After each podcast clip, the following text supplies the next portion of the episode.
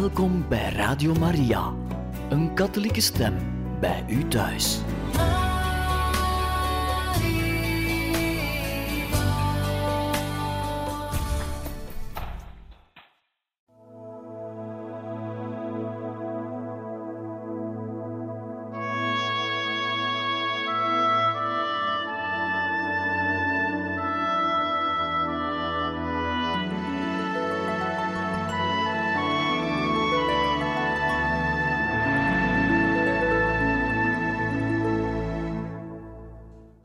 Van harte welkom, beste luisteraars van Radio Maria, bij een nieuwe aflevering van het programma Heiligen Getuigen, waar wij u verder voorlezen uit het boek Mijn Heerlijk Leven, het verrassend geestelijk avontuur van de jeugdige Gabriel Possenti, geschreven door Edmund Burke.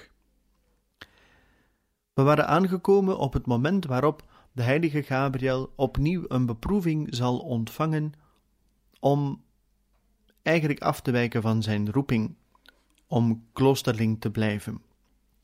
Zijn broer doet namelijk het voorstel dat hij naar huis zou komen, omdat zijn vader en zijn broer zich zorgen maakten over zijn tanende gezondheid.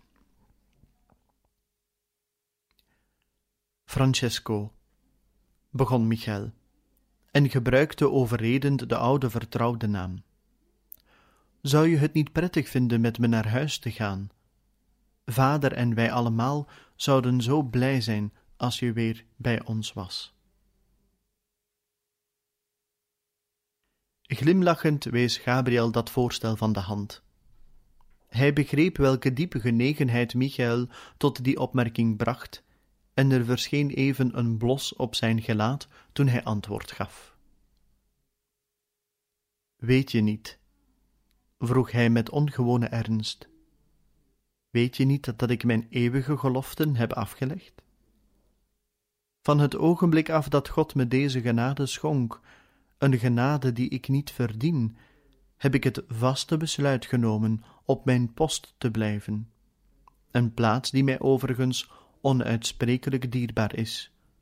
Een koningszoon zou me wel kunnen benijden indien hij zich maar even kon voorstellen hoe gelukkig ik ben. Men liet het onderwerp voor dat ogenblik rusten. Terwijl ze hun wandeling door de kloostertuin voortzetten in de septemberzon, liet Gabriel zijn broer met bescheiden trots het gedeelte zien waar hij bijzondere bloemen kweekte voor het altaar van Onze Lieve Vrouw. De welvoorziene bloembedden maakten een erg mooie indruk en Michael bleef staan om de kleurengloed te bewonderen. Hij wees verrukt naar een prachtige bos margrieten. Is dat niet prachtig? riep hij uit. Wil je er een hebben?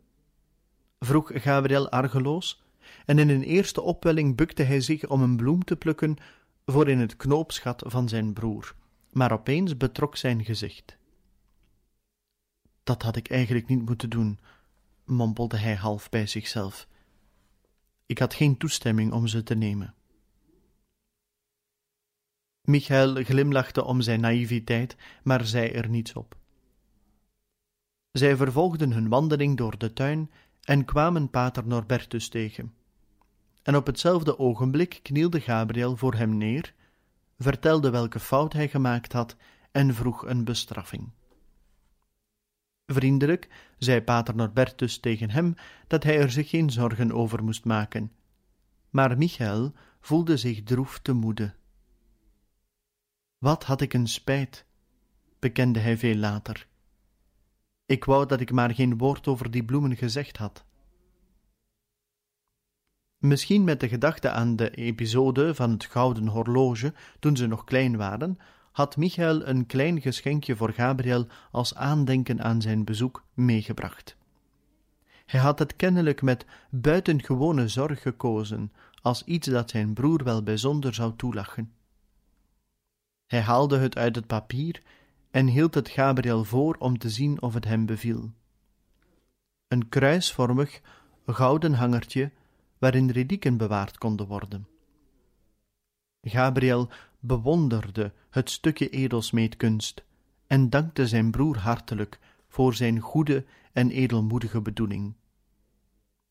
Tegelijkertijd echter maakte hij er hem beleefd op opmerkzaam dat de strenge gelofte van armoede die door de passionisten wordt afgelegd, nadrukkelijk het bezit van een dergelijk kostbaar voorwerp uitsloot. Michael drong niet aan, maar toen hij vernam dat Gabriel wel graag een paar goedkope devotieprentjes wilde hebben, beloofde hij deze zonder aarzelen te zullen sturen. Na een paar heerlijke rustige dagen in het klooster te hebben doorgebracht, nam Michael afscheid. Voor hij wegging, drukte hij Gabriel nogmaals op het hart beter voor zijn gezondheid te zorgen. Als je niet oppast, zei hij ernstig, zul je niet langer meer dan een paar jaar leven. Juist rond die tijd begon de gezondheidstoestand van Gabriel de zorg gaande te maken van zijn oversten. De vochtige lucht van Pievetorina was niet goed voor zijn longen en gedurende de winter bleek hij aan een chronische keelaandoening te lijden. Hij kreeg weer een aanval van bronchitis en andere ademhalingsmoeilijkheden. Gedurende de studietijd was hem verlof gegeven om in de tuin te wandelen, om de weldadige invloed van de frisse lucht te ondergaan. Gewoonlijk zat hij aan de rand van een grote vijver, waar het zachte geruis van stromend water een aangename achtergrond vormde voor zijn gedachten. Gabriel zag zijn ziekte niet ernstig in. Voor hem en ook voor pater Norbertus leek het niet meer dan een voorbijgaande ongesteldheid, waar hij gauw van hersteld zou zijn, als de zomerwarmte er eenmaal maar weer was. In werkelijkheid was het het verraderlijke eerste begin van de tuberculose, die tenslotte zijn dood zou veroorzaken. Over zichzelf maakte Gabriel zich niet bezorgd. De gezondheid van zijn lichaam kwam er voor hem niet zoveel op aan, vergeleken bij de vorderingen van zijn ziel. Verdiept als hij was in dat werk van zelfheiliging, stelde zijn geest geen belang in zaken van mindere betekenis. Zijn voortdurende vooruitgang was voor een niet gering deel een gevolg van de omstandigheid dat pater Norbertus steeds bij de hand was om te helpen en raad te geven. Zelden ging Gabriel bij een andere priester biechten en nooit zocht hij ergens anders geestelijke leiding. Toen hij zich later de veelvuldige geestelijke discussies herinnerde, die hij met zijn jonge leerling gehad had, was pater Norbertus diep ontroerd. Hij verborg niets voor zijn geestelijke leidsman, zei hij, maar stelde heel zijn ziel in mijn handen. Mij vertrouwde hij zijn gedachten en bedoelingen toe, zijn verlangens en genegenheden, de gang van zijn hartstochten, zijn voor- en afkeur, de genaden die hij ontving, alles, uiterlijk en innerlijk, zodat alles de zegen en de leiding van de gehoorzaamheid mocht hebben. In de regel kwam Gabriel eens per maand bij pater Norbertus voor een formeel geestelijk onderhoud. Maar daar kwamen nog de ontelbare gelegenheden bij waarin hij de priester in bijzondere moeilijkheden raadpleegde. Soms had hij raad en voorlichting nodig, erkende deze laatste, omdat hij voorlopig nog onbedreven in zijn nieuwe leven was.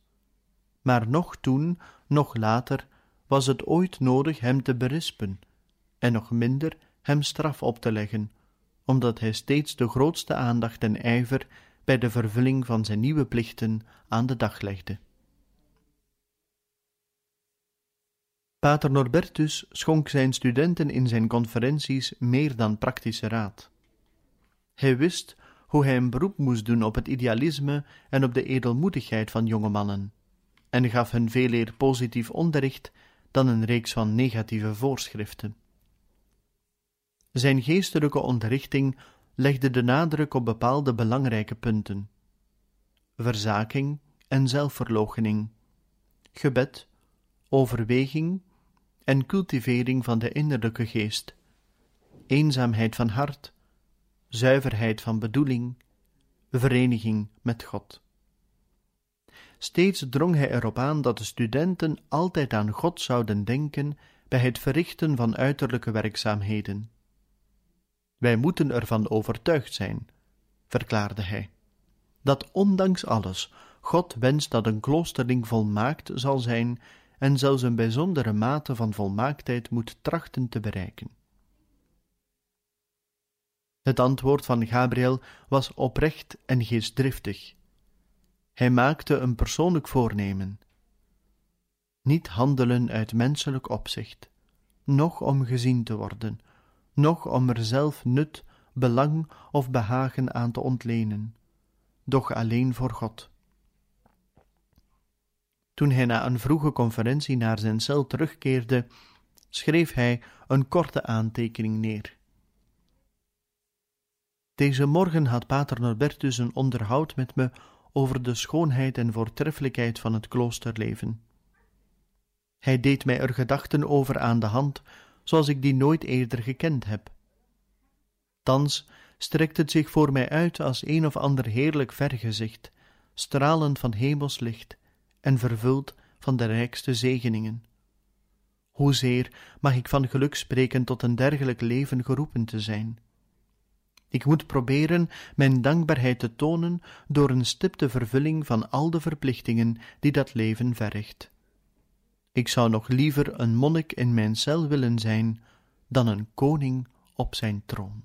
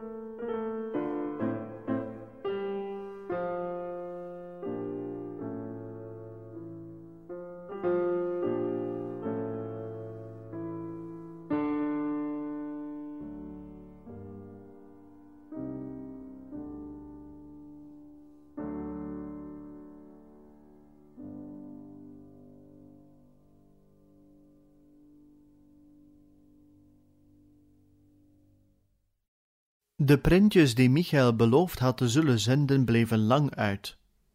Gabriel schreef hem vriendelijk of hij er nog eens aan wilde denken en maakte van de gelegenheid gebruik zijn broer tot een vuriger devotie tot Maria aan te sporen. Hij schreef het volgende. De prentjes zijn nog niet gekomen. Dus voor het geval je je er zorgen over mocht maken, laat ik je dit even weten en dank je er bij voorbaat voor. Je edelmoedige aard kennend, zou ik je willen vragen mij bij wijze van gift en ter liefde van Maria het boek te zenden dat getiteld is Korte verklaring van het scapulier en de rozenkrans van de zeven smarten van de heilige maagd Maria door Pater Pecorini. Je zult het gemakkelijk in iedere boekhandel kunnen krijgen. Beste Michael, maak je geen zorgen. Ik vergeet je nooit in mijn armzalige gebeden. Maar wat kunnen zij op zichzelf voor goed stichten? Als je ziel je lief is, vergeet dan nooit en te nimmer wat het je ook mag kosten die devoties te beoefenen, die je Maria beloofd hebt.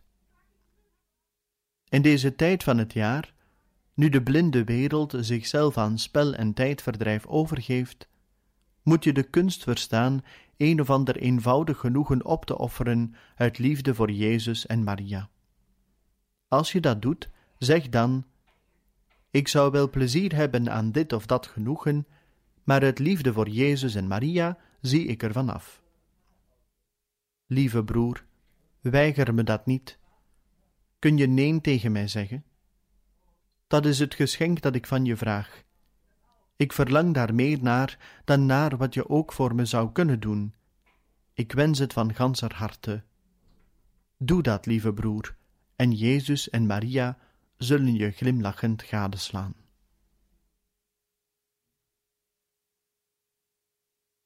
Toen kerstmis 1858 naderde, zond hij zijn goede wensen weer naar allen thuis hun nogmaals de verzekering gevend van zijn volkomen geluk.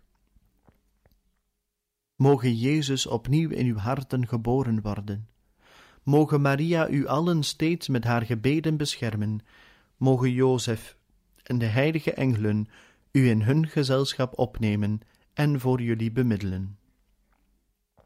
Ik kan jullie geen betere kerstwens zenden dan deze.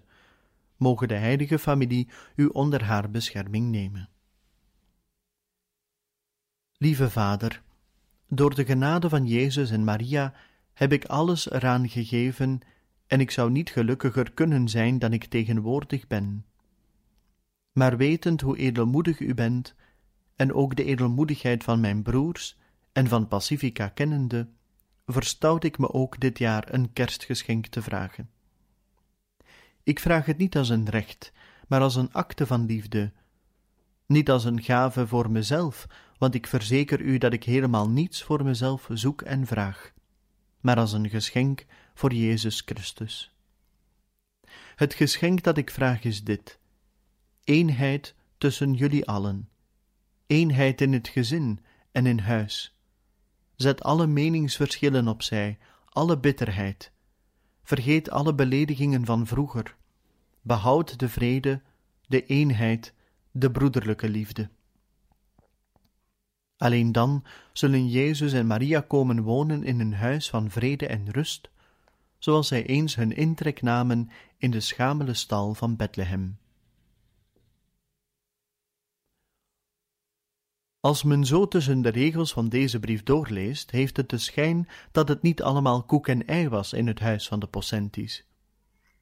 Wat er op dat bepaalde ogenblik juist aan de hand was, daar zinspeelt Gabriel zelfs niet op maar de onenigheid in de familie scheen hem toch klaarblijkelijk wel erg dwars te zitten. In latere brieven zou hij nog op het onderwerp terugkomen en zijn mening zelfs nog duidelijker en botweg zeggen. Om de achtergrond te begrijpen dient verklaard dat in het tiental jaren tussen 1850 en 1860 er in Spoleto evenals in tal van andere Italiaanse steden, een hartstochtelijke verdeeldheid heerste over de ingewikkelde politieke situatie, die naar een hoogtepunt van spanning toegroeide. Twee partijen stonden in bittere strijd tegenover elkaar. En het meningsverschil was in alle lagen van de maatschappij voelbaar. Aan de ene kant stonden de vrome katholieken, in politiek opzicht conservatief, vurig in de beleving van hun godsdienst en innig verknocht aan de zaak van de paus en van de kerkelijke staat. Daartegenover stond een heterogeen mengsel van sceptici en anticlericalen, fanatieke vrijmetselaren en uiterst vaderlandsgezinden, bij elkaar gehouden door het gemeenschappelijke doel een einde te maken aan de wereldlijke macht van de paus en de kerkelijke staat op te nemen in het koninkrijk Italië. De familie Possenti op zichzelf vormde een tragisch beeld van deze verdeelde loyaliteit. De heer des huizes, Santi Possenti, was een toegewijd katholiek, een ambtenaar van erkende onkreukbaarheid, een trouw dienaar van het kerkelijk bestuur. Toch moest zelfs hij bij gelegenheid buigen voor de zegevierende wind van het republikeinisme.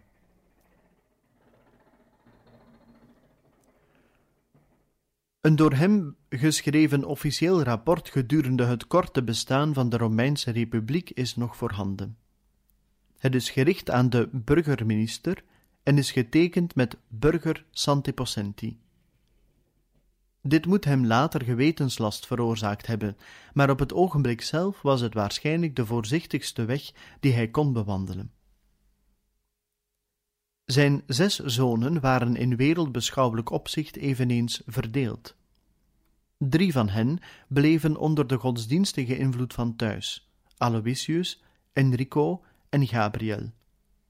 De andere drie, Lorenzo, Michael en Vincent, waren in grotere of mindere mate aangetast door de heersende liberale atmosfeer in Spoleto en ergerden zich over de vrijheidsbeperking die hun vader hun oplegde.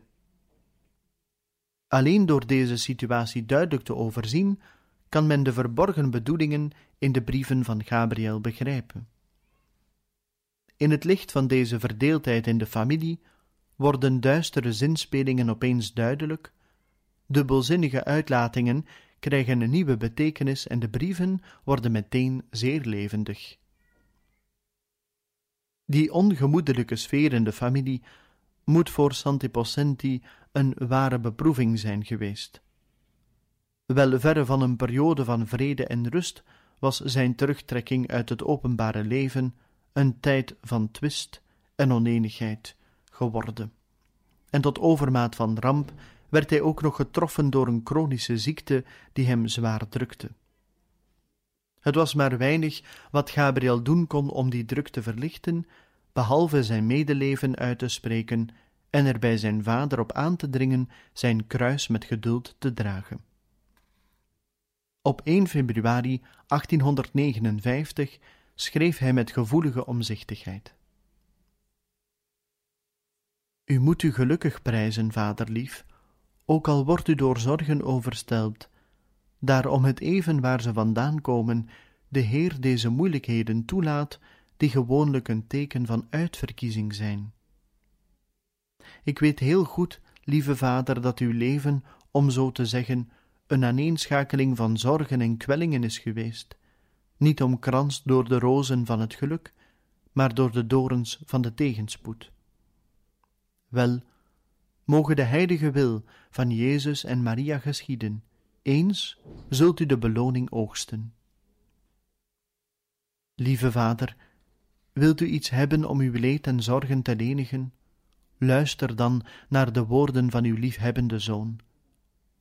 Vroeger mag ik u, naar ik weet, bedroefd en u heel wat zorgen bereid hebben, maar thans heb ik, dank zij Gods genade, slechts één vurige wens, de wens om u voor de toekomst gelukkig te maken. Hier volgt dan wat ik wil zeggen.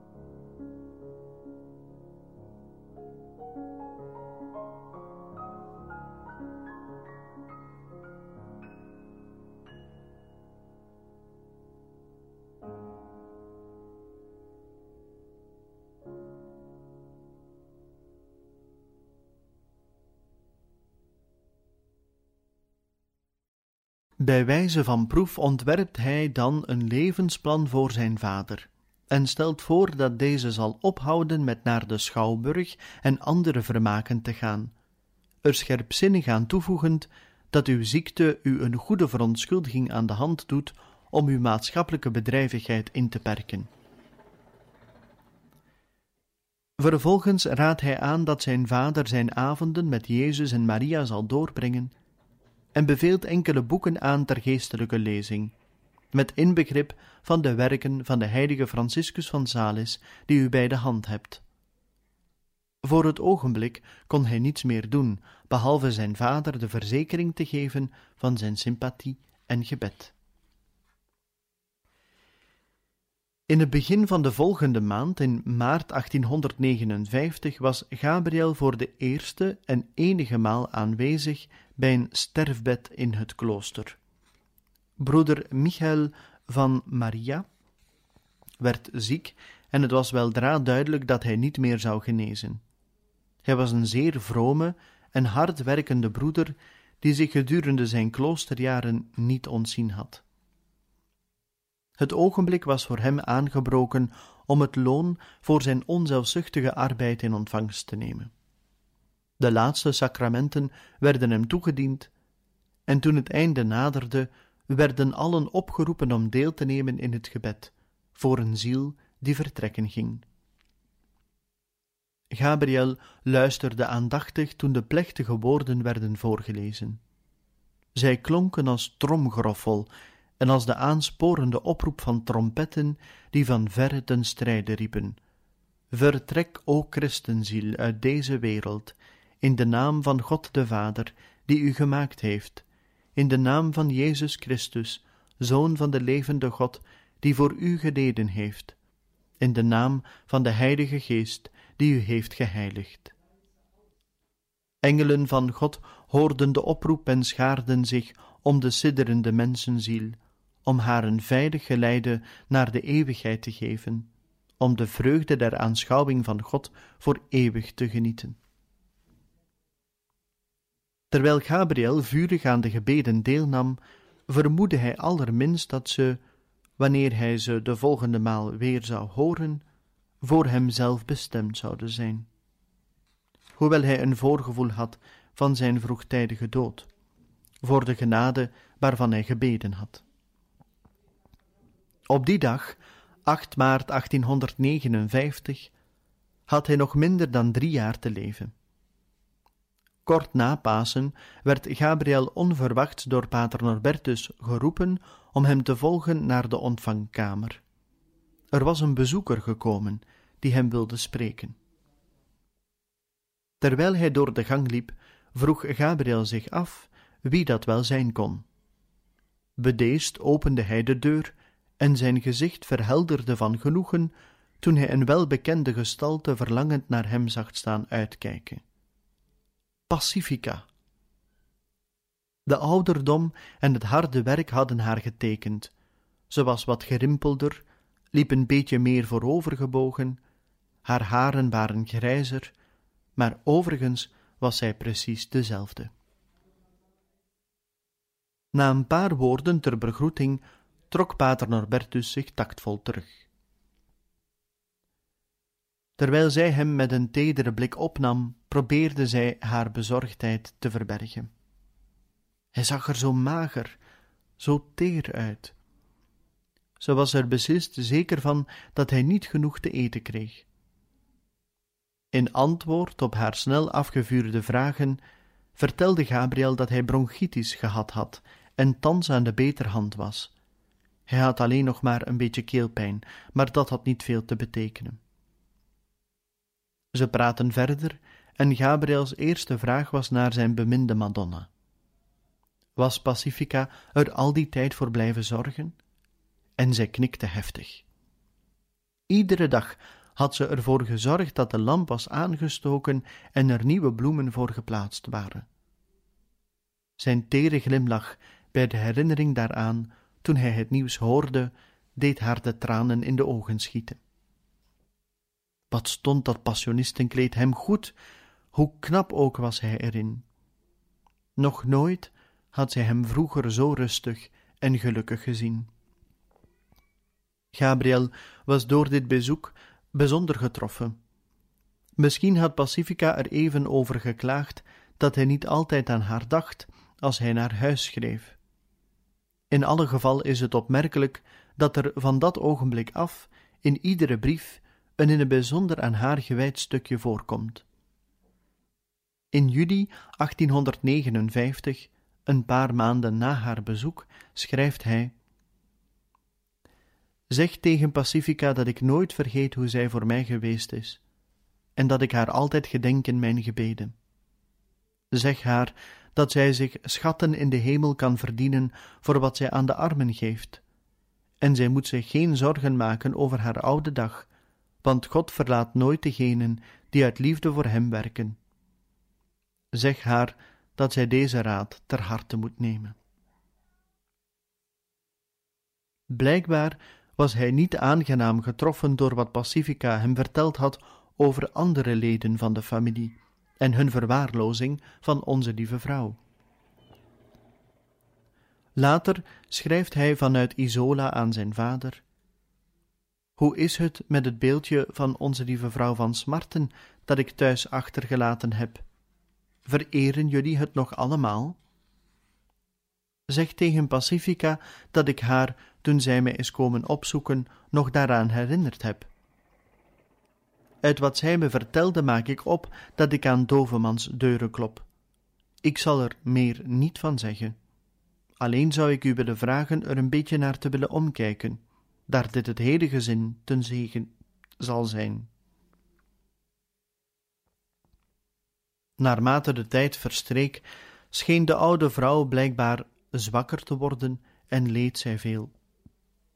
Iedere brief bevat een korte mededeling ter bemoediging, een aanbeveling om geduld te betrachten in haar toenemende gebrekkigheid. Mijn hartelijke groeten voor Pacifica en spoor haar aan haar ziekte met geduld te dragen, ter herinnering aan de smarten van Maria. Zij moet haar best doen onze lieve vrouw te vereren, veel voor haar te doen, omdat Maria haar duizendvoudig zal belonen.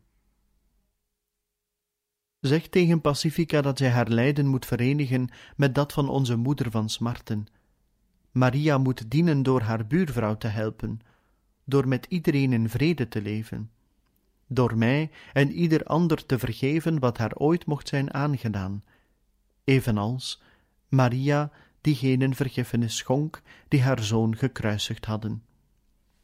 Zeg haar dat zij gelukkig zal zijn in de wetenschap dat Maria haar zal gedenken en haar zal troosten. Zorg goed voor Pacifica. Vraag haar goede moed te behouden en herinner haar eraan te zorgen voor het beeld van onze lieve vrouw van Smarten dat ik thuis achterliet.